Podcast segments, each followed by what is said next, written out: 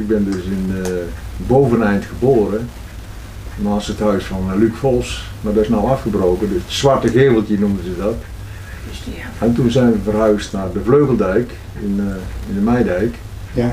Daar hebben we dus uh, enkele jaren gewoond. Vandaar zijn we dus verhuisd naar de steenfabriek, de Ruiterwaard. En daar werkte toen mijn vader ook. En ze hadden het huis gehuurd, zeg maar. Dus.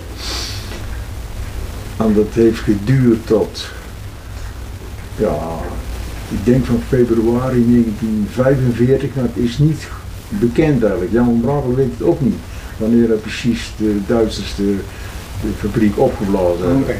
Ja, ik ben uh, 1 april 1943 ben ik daar naar school gegaan, naar de school met de Bijbel heette dat Ja. dan. Hè.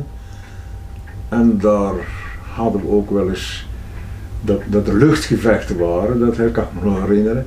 En dan moesten we onder de banken kruipen. Want, want vroeger had je dus hele stevige schoolbanken. En Ja. nu zijn het van die gammele houten dingen. Maar Ja. toen zat er veel ijzer zat er aan. Dus, Ja. dus het was echt een stevige. Maar dat kan ik me wel herinneren. Dat we dus onder de banken moesten kruipen en zo. Ja. Ja. En de, de schoolmeester kroop hij ook onder de bank? Nou, dat kan ik me niet herinneren. Nee. Maar eh, ik ben natuurlijk bij, bij de juffrouw begonnen, dus bij juffrouw van den Handel. Dat was mijn Een eerste... heel eh, bekende naam, Een heel hè? bekende naam. Dus ze was ook een, eh, een strenge juffrouw hoor. Want toen had je op school niet dat chaotische wat je tegenwoordig op school hebt. We was allemaal netjes zitten en eh, niet voor je beurt praten en, of helemaal niet praten. En werken en dan eh, weer naar huis. Hè. Ja, dat En dan moest jij eh, hier vandaan? Ging Ja, over de, dom, over de kade daar. Oké. Oh ja. via het Kemke, zeg Ja. maar, de, de kade ging naar huis. Dus, eh, Ja.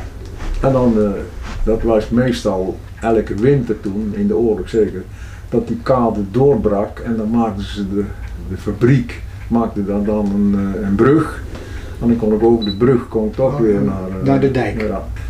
Maar dat was mijn buurmeisje die dan op een gegeven moment kwam binnenhollen bij ons. En toen zei mijn moeder, die een mijntje. Mijntje, ze hebben schilderijen gebombardeerd. Maar ze bedoelden natuurlijk gilzerijen. Hè? Ja. Ja, ja. Dat kan ik me nog herinneren. Maar ja, toen was er een meisje van een jaar of vijf, zeg maar zeggen. Dus eh dat kon je ze niet kwalijk nemen. Ja. Want wij hebben dus veel inkwartiering gehad dus van Duitsers. Omdat de Duitsers, dus- daar stonden dus van die hutten noemden ze dat. En dan konden ze alle materiaal konden ze eronder zetten. En dan, vanuit de lucht had je daar geen kijk op. Dus bij ons in het achterhuis hebben ze dus, heb ik later wel gerealiseerd hoor, hebben ze alles klaar zitten maken voor het front. Ook van die panzervouwsten, weet je wel, dus ze waren van die anti-tank. Ik later wel eens gedacht, nou we hadden wel in de lucht kunnen vliegen, nog niet dan. Was maar weinig voor nodig. En dat werd dan eh, op karren, want ze hadden geen auto's meer, op karren werd het naar het front gebracht in, eh, in Heusden. Ja. Want een van die soldaten, dat was een, eh, een Rus of van, of, of van die kant, die zei op een gegeven moment, dan konden ze in een eh, fractie van een minuut of zo, konden ze dan over de brug en dan kwam er weer een granaat. Oké. En toen kwam er een granaat. Alle kameraden kapot, zei die. Ja, ja. Dus dat was eigenlijk wel eh, heftig natuurlijk. Ja. En ik heb ook veel, dus eh, bij mijn opa kwam ik, want die, want die woonde dus aan de Meidijk. Hm. En toen had je, toen alles moest via de dijk, hè, want, de- Ja. want de Heemstraweg was er Dat niet. was er helemaal nog niet. Dus die hebben ook hartstikke veel eh, inkwartiering gehad. Ja. Ja, want het, het is een keer gebeurd dat ze soldaten van het front kwamen en die waren hartstikke koud natuurlijk. En mijn, mijn opa die had zo'n kachel, mijn, mijn oom die noemde het al het rijtuig, dat was een heel groot geval, met zo'n grote pijp naar boven. En die hadden zo rood gloeiend gestookt tot bovenaan. Dus dan mijn, mijn oom met heel de nacht die opgezeten, want hij zegt, als mijn huis, dadelijk vliegt de boel in de brand en die soldaten die hol- hollen naar buiten en ik ben mijn huis kwijt. Ja, dus ja, ja, de hele ja, nacht had hij opgezeten. Wij hadden dus geen problemen met die soldaten, want ik ben ook wel eens met een soldaat in zo'n dogkar, weet je wel, zo'n Ja, een hondenkar? zo, zo- nee, zo'n kar met één paard ervoor. Oké. Ben ik naar Brakel geweest, naar het, eh, waar morgen Jan ge- geïnterviewd wordt, naar het koetshuis. En daar stond dus een keukenwagen. En dan had hij gemellen en daar ging alles in dus. eh, En, en dan kregen wij een kug of brood, heette dat, van die soldatenkug. Of we kregen ook wel eens pudding, want dat hadden wij natuurlijk niet Ja. in de oorlog. Nee, er was dus geen... De kinderen die, die, eh, die werden niet eh, kwaad aangekeken, die werden niet gezegd van dat zijn verzetters, hè, dat zijn terroristen of zo. Ja, ja, ja, ja. Er was helemaal geen... eh, Dus eh, jij hebt niet eh, in het kleuterverzet gezeten? nee, ik heb niet in keukenverzet gezeten. Kleuken, kleuterverzet. Of kleuterverzet, oh dat zal, daar heb ik nooit van gehoord, maar goed, het zou, het zou best kunnen hoor, dus kleuterverzet. eh. Maar ik, dat moet ik ook nog vertellen, Ja, aan het eind van de oorlog heb ik ook mijn eerste moslim ontmoet. nee. Ik, wij hadden nog nooit van moslims gehoord, dus dat heb ik me later pas gerealiseerd. Want mijn, mijn opa die had dus koeien. En, en die man die haalde dus een rode zakdoek uit zijn zak, die soldaat dan. En die leidde ze op de, de vloer. En dan ging hij dan eh, zo Oh, die opgeknield zitten. Dus, Ja, ja. Ja, ja. Maar dat waren dus meest, ik denk van Oekraïners of zo. Ja, Die waren in dienst van de Russen, of van de Duitsers. Dat waren Russen. Maar ze konden kiezen, gevangenschap ja, precies. of meewerken. Heel veel van die gasten die moesten gedwongen dienst nemen, hè? Ja, ja. waren krijgsgevangenen. Ja, ja, ja. Dus veel keuze hadden ze inderdaad eh, niet. Hey, en die, eh, die Duitsers die hier kwamen, eh, ik heb ook wel eens gehoord eh, dat er een Duitser was die vroeg af aan de overkant of daar Engeland lag. Waren ze bang voor water? Nou, dat waren ze wel, Ja? ja? want als, want meestal s- s winters dan eh, liep het vol bij ons daar, weet je wel, ja, bij Ja. de fabriek. Want die, die K die brak door en dan stroomde alles vol. Dan hadden we geen last van, eh van inkwartering. Dan kwamen de Duitsers niet, nee. Nee, daar moesten ze niks van hebben. Eh, heel veel mensen die waren ook ondergedoken in de tijd. Ja. Hadden er hier ook eh, onderduikers? Nou, onderduikers direct niet, maar ik weet wel dat dus de, de, de, de baas van die fabriek, dat was meneer Jansen, dat was dus de eigenaar van de fabriek. En die had een hoge functie in het Nederlandse leger. Dus die zat daar wel, maar die was toen in Burger. Want s'nachts dan, in, in Bommel stonden dus eh afweergeschut. Dus we hebben heel wat nachten hebben we daar in de, in die, toen die al kapot was, de fabriek. In die want ja. waren hele grote kamers, noemen ze dat.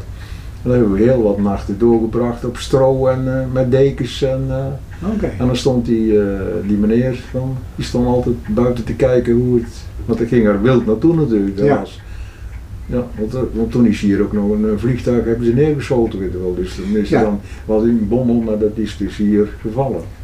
Ja, Ja, daar weet ik alles van. Dus, ja, eh, daar weet ik alles van. Ja. En wat weet jij daar verder van? Ben je Nou, nog weet- kijken toen? Ik weet er niet zoveel van. Ik, ik weet alleen dat ik ben wezen kijken.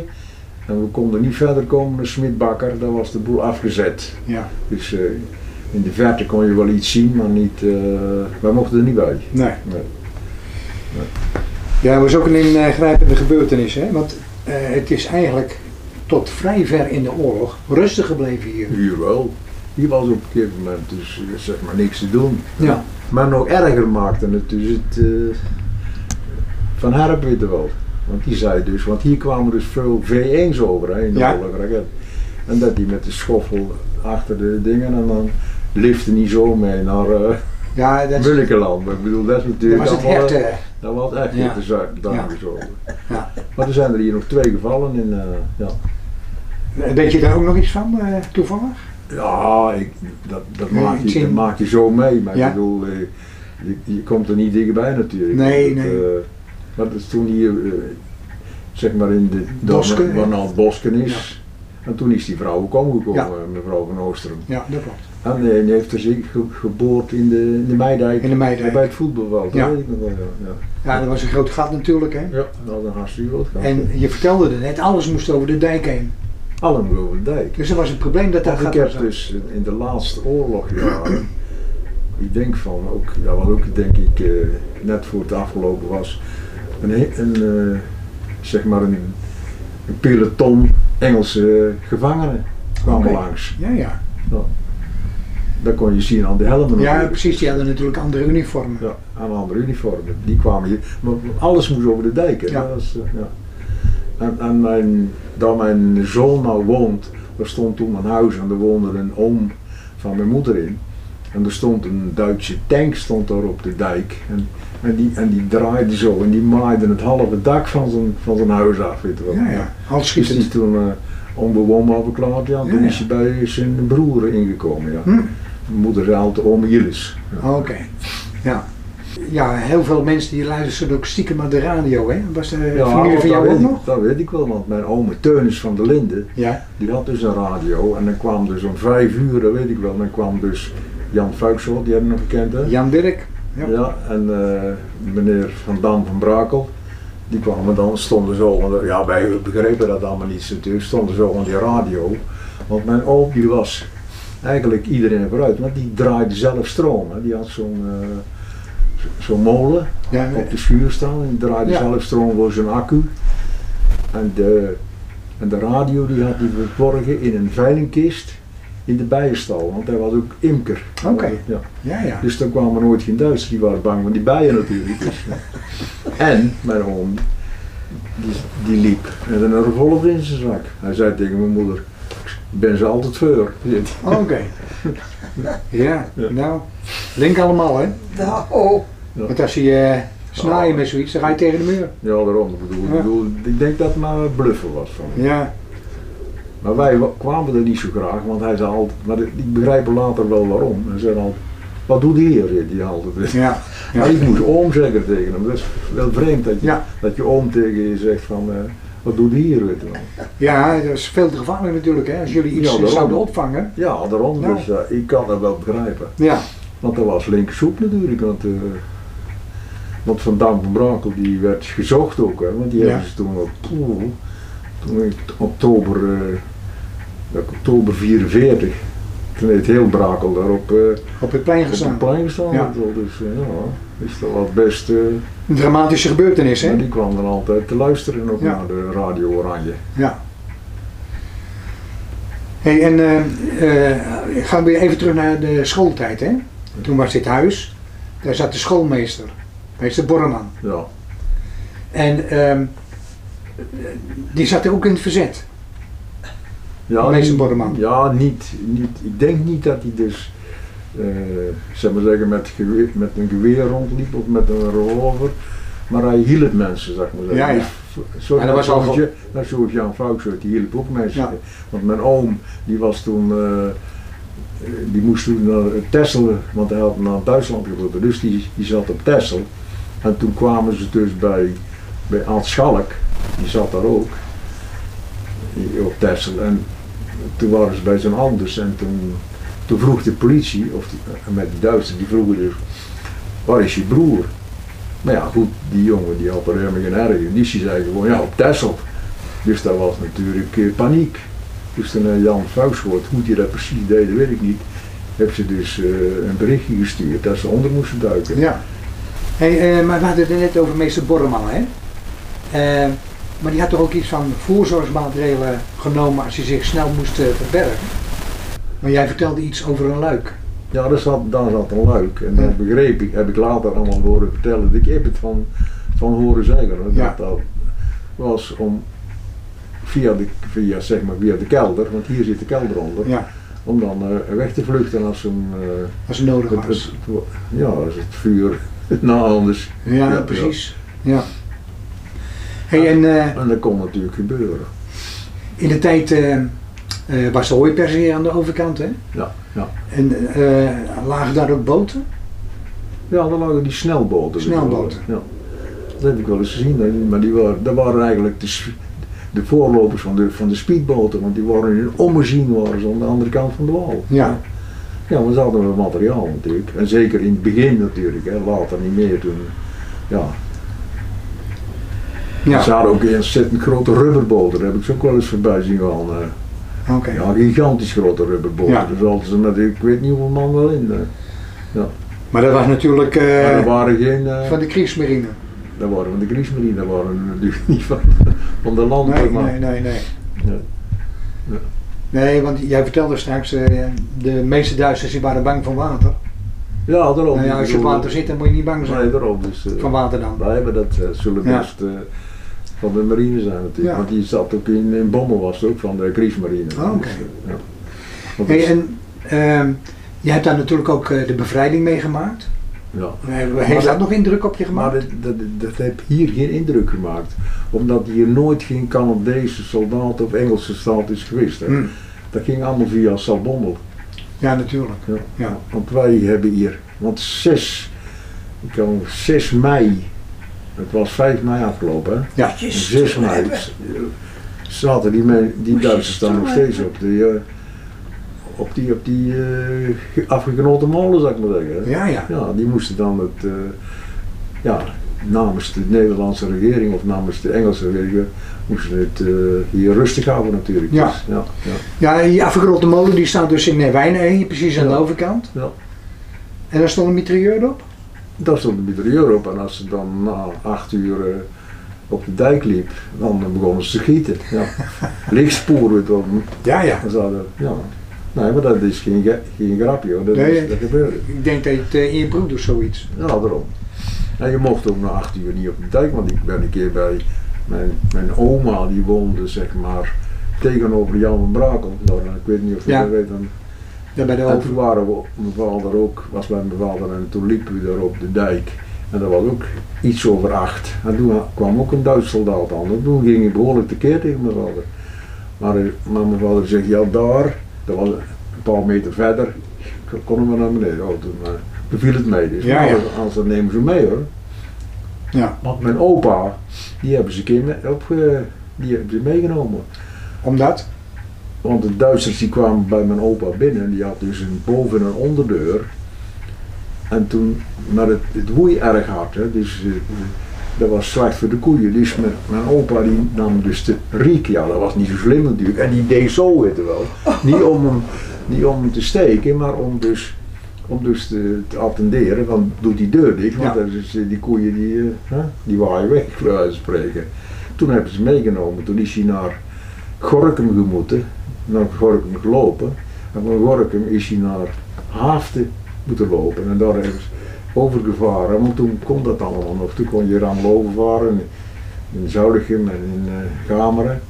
En toen hebben ze hem eh, daar vastgezet in het, ja, in het, in het- ik geloof dat het een, een oude school was in Gameren, daar onder aan de dijk. Ja. En toen heeft die eh, de secretaris van Os, die had Ja. invloed, die was invloedrijk, ja. Van, op het laatst waar hem zat, want toen zeiden ze de burgemeester Oberland, weet je wel. Maar daar hadden ze erop gezet, van Os weg. Van Os. Nee, niet van Os, Ja, ja. maar hij moest weg dus. Ja. Ja. Maar die had dat wel voor elkaar gekregen, dat mijn opa weer. Ja. En, en mijn, mijn tante, de zus van mijn moeder, die heeft hier onder het gemeentehuis gezeten eh, een paar nachten. Want die wilde dus de fiets niet afgeven. Oké. Want die werkte dus in Gameren bij Van den Oever. En, en daar deed ze dus naaiwerk. En dan moest hij die fiets elke dag gebruiken om daar... eh, ja, toen hebben ze de fiets meegenomen en ze hebben ze hier onder het... Ja. eh, ja. Spannende tijden. Nou, Ja, dat was gewoon tijdig. Want op het laatst was niks meer veilig. Want wij waren, dat weet ik wel, in de winter van 45 waren wij dus als, als sleeën. wel in de buurt van Jan Brakel. En dan komen Duitsers komen dus van front. En die pakken gewoon die slee van die jongen. En die begon natuurlijk te huilen. Ja, dat trekt niks aan. Dan gooien ze de ransel op en heel erg. Maar ze hadden niks meer toen. Ja, ja, ja. ja. Dus eh, dat was houden. Wel, wel komisch. Bij mijn, bij mijn opa, daar hebben dus veel Duitsers gezeten. Maar er stond ook een, een soort eh, keukenwagen, ik maar zeggen. En toen had ik gezien, er was soms zo'n grote gamel met, met soep. Hè. En toen nam die kok, ja, die, is echt waar gebeurd hoor. Die nam dus een, een, een, eh, een stok uit de, uit de mesthoop. En die ging daar, en die ging. Ja, dat eigenlijk, ik stond er wat te kijken. Die stond aan de rode, die stond onder de soep. Ja, dat waren zulke grote dingen natuurlijk. Je hebt hem misschien wel gezien van die. Ja. ja. Dus dat was wel komisch natuurlijk. Nou, dat was soep met een smaakje. Oh, wat schrik. Pittige soep. Ja. Nee, maar dat was. Ja, dat is- nee, dat dat verzin ik niet. Dat heb ik echt Nee. gezien hoor. Ik zeg het altijd. Als je dat uit de Nou, mesthoop pakt, met de wel zo'n dingen. Ik heb eh, heel veel vertrouwen in je alleen, dus eh, ik geloof alles wat je zegt. Ja. Nou, ja, we hebben ook wel eens gevaarlijke dingen gedaan hoor. Ja? Bijvoorbeeld? Nou, op, op, de, op de steenfabriek stonden ook van, dat heb ik verteld, van die hutten noemden ze Ja. dat, eh, van die overkappingen. En er was dus een granaat, een, zeg maar een blindganger was erdoor gekomen en die lag dus op de grond. En er lagen ook een hoop kogels. En toen zei die jongen, die, die woonde daar waar Bert nou woont, Ja. onder in de dijk woonde die. Hij zegt, dan moet je bij je moeder lucifers halen. En dan gaan we die boel, gaan we er aansteken dus. Ja, maar, wij, maar hij was wel zo slim dat hij ons meenam. Toen had je op de fabriek, had je dus van die, eh wat noemen ze, het machinepark zeg maar zeggen. Dus er werden dus die, die stenen, de grond kwam erin en er werden vanaf werden stenen. Maar er waren dus naast, naast zo'n eh, zo- zo'n band, zo'n riem, weet je wel, daar Ja. een riem om De aandrijfriem. aanrijding, daar hadden wij dus, waren we ingekropen dus. Maar het was allemaal pang, pang, pang, ja. Zo ging dat dus. Ja. Ik bedoel, dat was levensgevaarlijk natuurlijk. Dus die, eh, Want ze hebben echt ook een dus vuurtje gestart. ja, dus die baas van de, van de fabriek, die kwam naar ons toe. En die, en die eh, ja, dan kregen we behoorlijk, behoorlijk wel uit natuurlijk. Dat was levensgevaarlijk natuurlijk.